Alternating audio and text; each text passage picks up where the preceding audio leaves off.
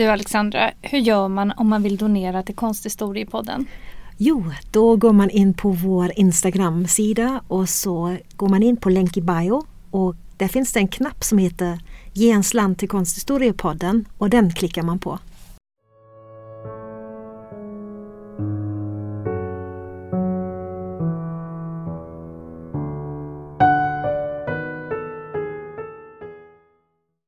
Hej och välkomna till ett nytt avsnitt av Konsthistoriepodden. Jag heter Alexandra Frid. Och jag heter Alexandra Herlitz. Och idag ska vi prata om ett konstverk från 1965, nämligen Tante Marianne av Gerhard Richter. Verket ser ni som varje vecka på vårt Instagramkonto Konsthistoriepodden. Målningen Tante Marianne som översätts till Moster Marianne är målad med oljefärg på duk och mäter 100 x 115 cm. Den är målad i en skala av gråa nyanser och påminner om ett slitet svartvitt fotografi. Vi ser lite suddigt en bebis som ligger på magen på ett bord med två vita kuddar. Bakom babyn ser vi en flicka i yngre tonåren, leende och med prydligt kammad sidbena. Medan bebisen tittar mot betraktaren tittar flickan lite blygt åt sidan. Hennes snälla ansikte visar ett försynt leende som döljer sig lite bakom bebisens huvud.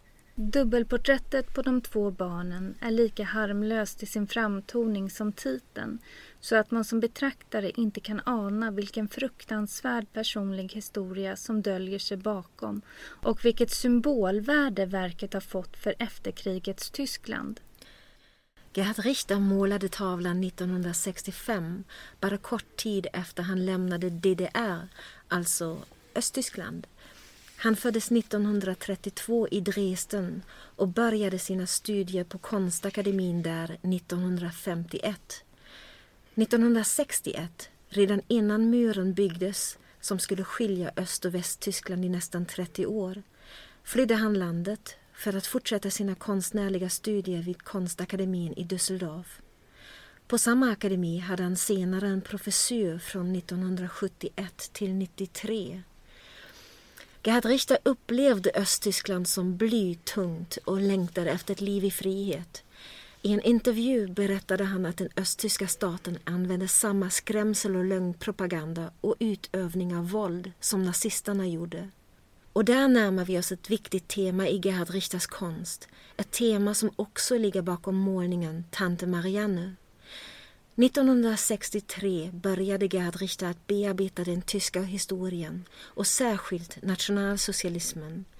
Det är ett ämne som han återkommit till ett antal gånger under sin långa karriär. Målningarna Tante Marianne och Onkel Rudi från 1965 är tidiga verk med denna tematik. Även hans monumentala glasinstallation Svart, röd, guld från 1999 för riksdagshuset i Berlin och hans fyrdelade serie Birkenau från 2014 visar hur Tysklands nationalsocialistiska historia drar sig genom hans verk. Som man hör på titeln Moster Marianne så är motivet relaterat till Richters familj som vi nu ska fokusera på. Det är ju mostern som är namngivare till målningen. Hon är den leende flickan i page. Bebisen som är placerad framför henne är konstnären Gerhard Richter själv. Till grund för målningen ligger ett svartvitt fotografi från sommaren 1932 då Richter var fyra månader gammal och Hitler ännu inte hade kommit till makten.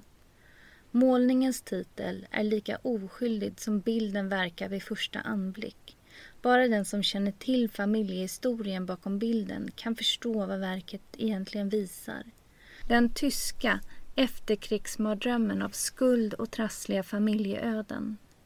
Tante Marianne är ett av nazisternas talrika offer.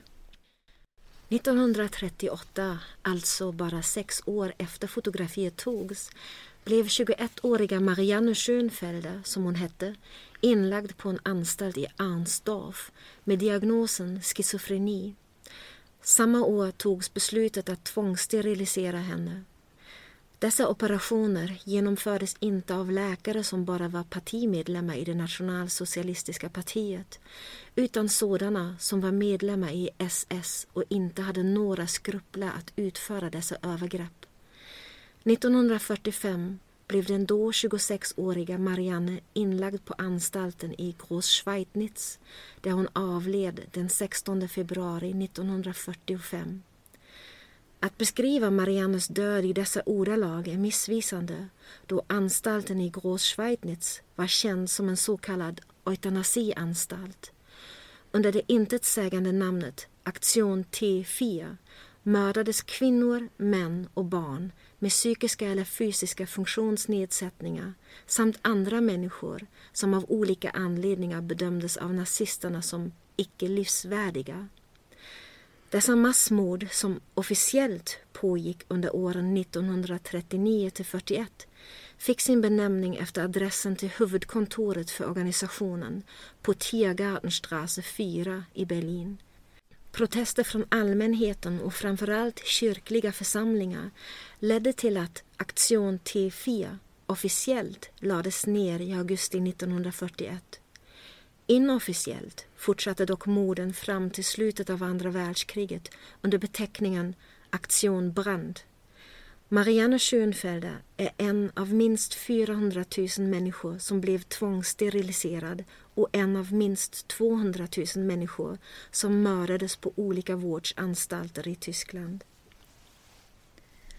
Morden begicks på olika sätt. Marianne är en av dem som dog en särskilt utdragen och plågsam död.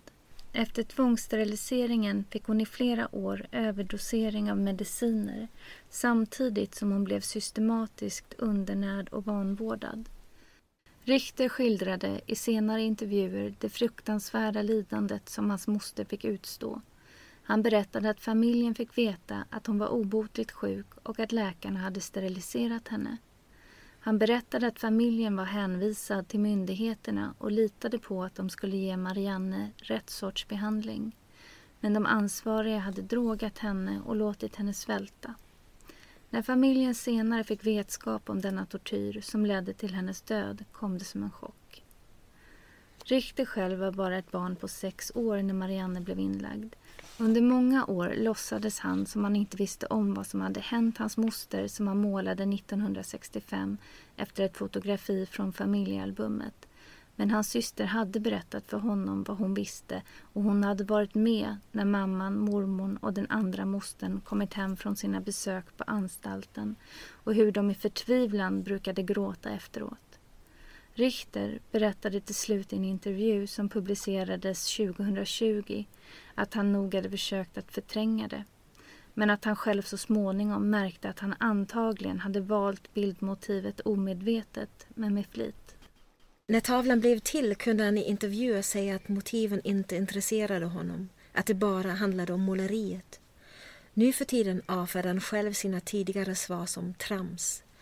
Självfallet handlade det visst om innehållsliga kriterier som han tidigare hade förnekat när han påstod att hans fotoförlagor var godtyckliga, slumpaktiga och betydelselösa.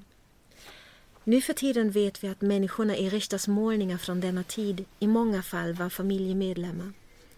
Han målade inte bara tante Marianne utan även onkel Rudi, en morbror som dog i kriget 1944 och som var beundrad i familjen på grund av sitt stora mod och sitt stiliga utseende.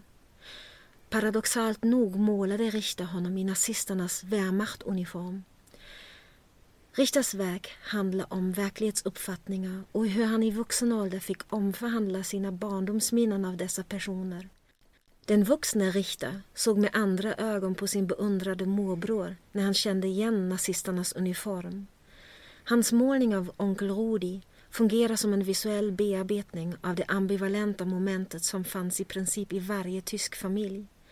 Att älskade familjemedlemmar var del av den ondskefulla nazistiska apparaten.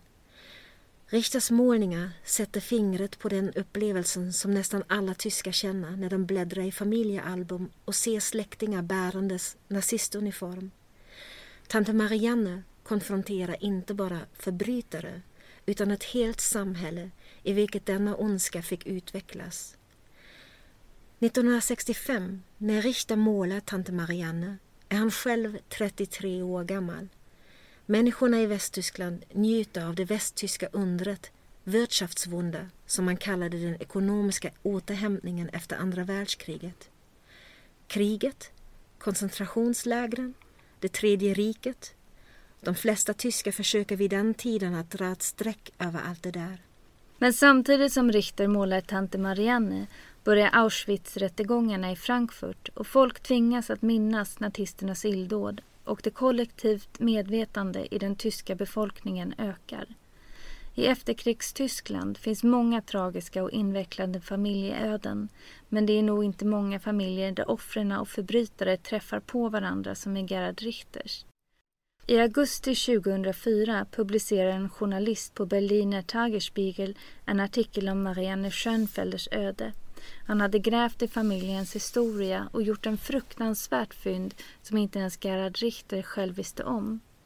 Richter visste att hans svärfar Heinrich Eufinge var hedersmedlem i SS men vad det innebär ville han då helst inte veta och pratade aldrig med honom om det här. Vad Richter inte visste var att hans svärfar som gynekolog och direktör för kvinnokliniken i Dresden var huvudansvarig för nazisternas tvångssteriliseringar i staden, samma klinik som mostern blev tvångssteriliserad på. Man vet inte vem som i praktiken utförde övergreppet, men Eufinger var ytterst ansvarig.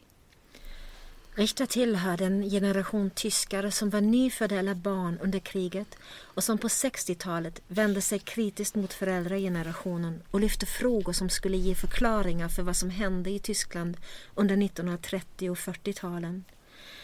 Richter gjorde det genom sin konst när han dels omedvetet, dels mycket träffsäkert satte fingret i den unga förbundsrepublikens infekterade sår till exempel när han målade av foton ur familjealbum eller tidningsbilder och främmande gör dem samtidigt. Han målar uniformerade, anonyma döda, kistbärare eller flygskvadroner. Han placerade sina så kallade fotobilder mitt i den stora kollektiva tystnaden om Nazityskland. Richter tillhör en av få tyska konstnärer som tidigt tematiserade kriget och framförallt den ihållande skulden. När han målade dessa bilder på 60-talet uppfattades bara den blotta påminnelsen om denna nationella skuld som ett tabubrott som kunde leda till häftig kritik. Men Richters verk är inte bara en tidig uppgörelse med Tysklands förflutna utan han hittade en konstnärlig form som lät konstverk som Tante Marianne att bli ett ikoniskt verk för det nya Tyskland. Vad är det som ger dessa målningar förmågan att bli ikoniska? Det är fotografier, alltså verkligheten, som ligger till grund för målningarna. Men det är inte raka kopior av fotografier. Det är Richters bearbetning av dessa foton som tillför andra dimensioner och påverkar hur vi uppfattar motiven. Om man ska identifiera de aspekterna i kompositionen så är det nog dessa tre som är återkommande i Richters verk.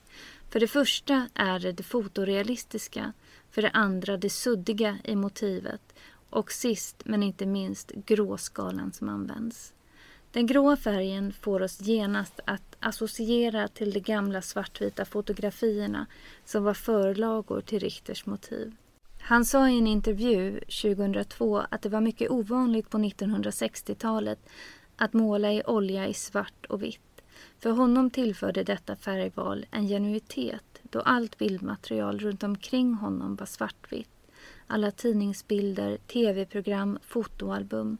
Alla bilder var ju faktiskt svartvita på den tiden.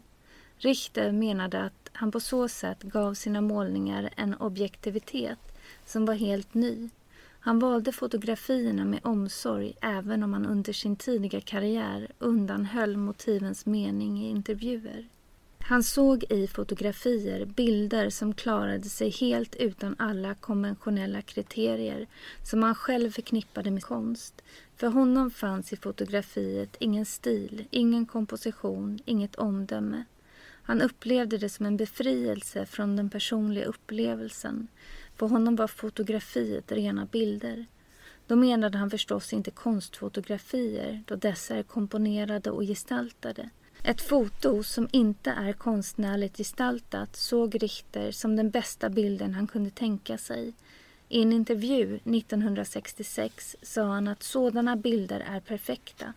De är oberoende och kan informera oss sanningsenligt även om fotot är taget på så bristande sätt att det avbildade knappt syns. När han i en intervju blev frågad hur han menar att han kan visa en objektiv verklighet när man känner till ett helt register av manipulationsmöjligheter som finns inom fotografiet förklarade han att manipulationen är oundviklig och att den till och med är en förutsättning för konstverket. Men han menade att han behövde det mer objektiva fotot för att korrigera hans eget synsätt han berättade att han, när han till exempel målar ett föremål enligt naturen, genast börjar att stilisera och förändra det så att det motsvarar hans åskådningar och hans utbildning. När han däremot målade ett fotografi eller från ett foto så upplevde han det berikande. Han kunde glömma alla kriterier och måla mot sin egen vilja, som han kallade det. I sina anteckningar från 1964 till 65 skrev han Fotot är den mest perfekta bilden. Det ändrar sig inte. Det är absolut. Det är oberoende, omedelbart, utan stil. Därför är fotot i det sättet hur det berättar och vad det berättar en förebild för mig. Richter ville inte använda foto som ett medium för måleri utan han ville använda måleri som ett medium för foto. När Gerhard Richter på 60-talet började att måla med fotografier som förlagor var det oftast motiv från tidningar eller illustrerade tidskrifter som han förstorade och i gråvita toner målade på duken där de vardagliga och tillfälliga små bilder blev upphöjda och fick en större tyngd. Dessa motiv och tekniker står i en tydlig kontext med den då aktuella popkonsten då exempelvis Roy Lichtenstein förstorade enskilda rutor ur tecknade serier för att ge vikt åt dessa scener ur triviala berättelser som ingick i en vardaglig populärkultur och som sedan kunde leda till att vissa av dessa serierutor kunde bli ikoniska bilder. Som andra popkonstnärer försökte också Richter att ge de enskilda föremålen han målade en mångtydighet som vi i våra vardagliga möten med dessa inte kunde uppleva. Han började göra fotoförlagorna känslomässigt distanserad genom att gestalta dem i en suddig oskärpa. Denna effekt, då man skapar en distans i avbildningen av verkligheten, kallar man förfrämdung på tyska. Han letade i illustrerade tidskrifter, tidningar, fotoalbum och facklitteratur efter bilder och klippte ut dem för att skapa en förfrämdungseffekt.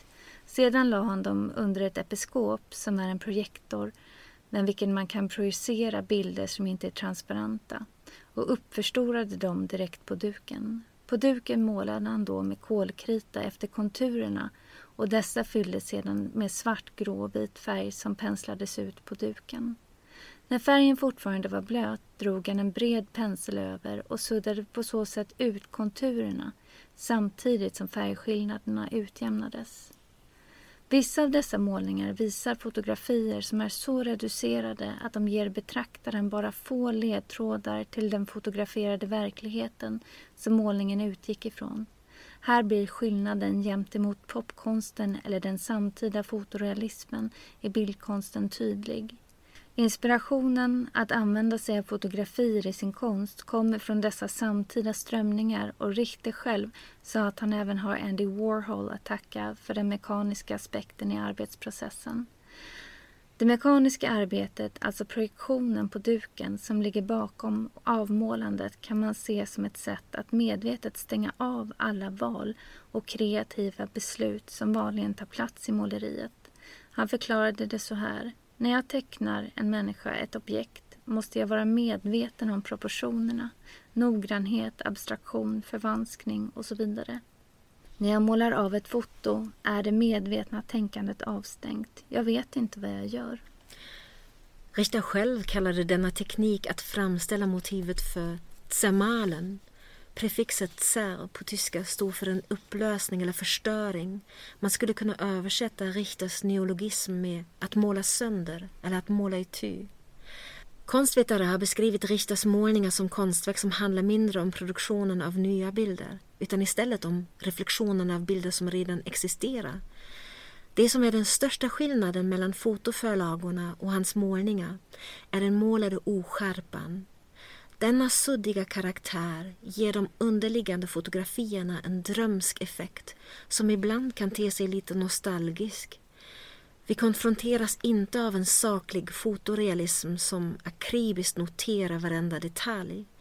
Istället verkar en subjektiv kvalitet, en subjektiv uppfattning manifestera sig i det suddiga. Det verkar som om vi ser tante Marianne och lilla Gerhard genom en filter som tecknar konturerna mjuka och som placerar de två avbildade personerna i en fjärran tid, ungefär som i ett suddigt minne. I många tyska familjer hjälpte bara förträngning mot krigstidens dilemman och det kollektiva traumat. Richter verkar genom den diffusa karaktären av hans fotobilder få de olika betydelsenivåerna som krävs bli förnimbara på dyken. Å ena sidan har vi det fotorealistiskt avbildade fotografiet i botten som representerar en verklighet. I denna fotorealistiska aspekt blir till exempel Mariannes glada och oskuldsfulla utstrålning uppenbar samtidigt som den suddiga kvaliteten tillför en annan nivå i vilken konstnären verkar fråga hur verkligheten visar sig för oss i dessa bilder. Kan fotografierna överhuvudtaget ge oss en rättvisande avbild av verkligheten? Vilken verklighet är det som inte syns i en målning som Tante Marianne? I fotografiet ser vi den glada och ansvarstagande flickan som genom nostalgins drömska glasögon. Men vad ser vi egentligen av verkligheten om Marianne? Richter själv har liknat sina fotobilder med drömmarnas bildspråk i en intervju från 2005 förklarade han att det faktiska namn och datum ofta inte har intresserat honom så mycket utan att han upplevde fakta som ett annat språk som stör eller förhindrar bildens språk. Man kan likna det med drömmar, sa han. Det har ett helt specifikt egensinnigt bildspråk som man antingen kan ge sig in i eller som man kan översätta förhastat eller felaktigt. Förstås kan man ju också ignorera drömmar, men det vore synd då de är så nyttiga. Richter kommenterade det diffusa i hans målningar. Jag har aldrig saknat något i en suddig bild. Tvärtom, man ser mycket mer i en sådan än en bild med skärpa. Ett landskap som är målat med noggrannhet tvingar oss att se ett bestämt antal av tydligt särskiljbara träd medan man i ett oskarpt landskap kan förnimma ett godtyckligt antal av träd. Bilden är mer öppen. När man tänker efter så skapar ju Richters oskärpa just denna effekt, att bilden blir mer öppen. Den är mer suggestiv. Den visar inte bara objektivt det fotograferade motivet utan det suddiga lyfter de avbildade personerna ur sin verklighet. Bilden får en annan dynamik. Vi förstår att den inte enbart avbildar ett fotografisk verklighet utan oskärpan tillför betydelse vilken betydelse det är som manifesterar sig i det diffusa är lika oklar som bildens konturer. Men vi förstår att något har hänt med fotografiet och med verkligheten den avbildar och vi blir engagerade betraktare. Bildens oskärpa ger oss anledning att titta och tänka länge på det avbildade. Även avsaknaden av färger och användandet av det svartvita och de grå nyanserna ger bildens motiv karaktärer av tidsmässig distans som samspelar med det diffusa i framställningen av personer eller händelser som är fjärmade i tid från betraktarens samtid. På denna svåra fråga vad Richter vill uppnå med sina fotorealistiska målningar svarade han i en intervju 2011 att han försöker att måla en bild av det som han har sett och det som han har blivit berörd av och att han försöker att måla denna bild så bra som möjligt. Det är allt, lägger han till. Tante Marianne hör till den stora gruppen av så kallade avmålningar av samtidshistoriska personer eller händelser som enligt Richter skulle visa hans egen samtid och som därför har kallats för bilder av en epok. Denna grupp av målningar avslutades 1988 med serien 18 oktober 1977 som var en polariserande serie som tematiserade Röda arméfraktionen runt Andreas Bader och Ulrike Meinhof och dödsnatten i Stammheimfängelset i Stuttgart. Även här finns förstås kopplingen till den tyska bearbetningen av det tredje riket då den första generationen av RAF-terrorister hade den tydliga ambitionen att lyfta det faktum att många framstående före detta nazister på 60 och 70-talen fortfarande innehade väsentliga tjänster inom den tyska statsförvaltningen och i näringslivet och ville ha en förändring. I drygt 20 år hade Richter målat fotorealistiska motiv i samband med serien 18 oktober 1977 meddelade han att hans arbete som påbörjades på 60-talet avslutades i form av denna komprimerade sammanfattning som inte tillåter en fortsättning. Just nu kan man se verket Tante Marianne på The Metropolitan Museum of Art i New York. Men verket har rest världen runt och visats på många olika platser. 2006 fanns verket ute på konstmarknaden för försäljning vid auktionshuset Sotheby's i London. Många tyskar yttrade offentligt att målningen som ett verk av nationell betydelse och kulturellt värde borde förvärvas av någon av de stora tyska institutionerna. I slutändan lyckades de ansvariga dock inte skaka fram den stora summan pengar som krävdes. Verket såldes istället till en konstsamlare i Taiwan till ett pris av 3,1 miljoner euro. Bara ett halvt år senare, i december 2006, offentliggjordes nyheten att verkets nya ägare gick med på att lämna verket Tante Marianne som ett permanent lån till Staatliche Kunstsamlingen i Dresden. Försäljningen av verket 2006 kom att bli betydelsefull för receptionen av konstverket Tante Marianne. I samband med rapporteringen om aktionen hade verket avbildats tusentals gånger i media åtföljd av berättelsen som Marianne Schönfelder som journalisten Jürgen Schreiber hade publicerat bara två år tidigare. Tante Marianne avancerade i den vevan till ett ikoniskt verk och den avbildade flickans öde blev världskänt. Den 14-åriga Marianne Schönfelder blev ett symboliskt ansikte för nazisternas hundratusentals offer som hade mördats på grund av psykiska eller fysiska funktionsnedsättningar. Den stora publiciteten har bland annat lett till att det 2012 utplacerades en så kallad Stolperstein till Marianne Schönfelders minne framför huset på Köpkerstraße 1 i hennes hemstad Dresden dessa stolpersteine, eller snubbelstenar som det tyska ordet översätts med, är de små minnesmärken i form av en gatsten med en ovansida i mässing och inskrift av offrets namn och öde som finns utplacerade i trottoaren. Snubbelstenarna är ett europeiskt konstprojekt som initierades av den tyska konstnären Gunther Demnig i ett försök att hedra nazisternas många offer som förföljdes, fördrevs och mördades under åren 1933 till 45. 2019 fanns omkring 70 000 snubbelstenar i Tyskland, Sverige, Norge, Österrike, Ungern, Tjeckien, Nederländerna, Belgien och andra europeiska stater. Dessutom har verket Tante Marianne inspirerat till en tysk spelfilm som heter Werk ohne Autor och som är regisserad av Florian Henkel von Donnersmark som är känd för den Oscarsbelönade filmen De andras liv. Werk ohne Autor handlar om den fiktiva konstnären Kurt Barnert men filmens berättelse har tydliga drag av Gerhard Richters biografi. Berättelsen om Richters tante Marianne och svärfadern Heinrich Eufinger är essentiella i filmens narration. Arbetet med verket Tante Marianne, som i filmen heter Tante Elisabeth, är en av nyckelscenerna i filmen som blev Oscarsnominerad 2019 och bidrog ytterligare till verkets publicitet. Målningen Tante Marianne av Gerhard Richter är ett fängslande dubbelporträtt i sig men får nu ännu fler dimensioner när man är medveten om de avbildade barnens livsöden. Och den visar oss vilken kraft bilder kan ha. Marianne Schönfelders ansikte blev genom systersonen Gerhard Richters målning en symbol för nazisternas brott mot mänsklig värdighet.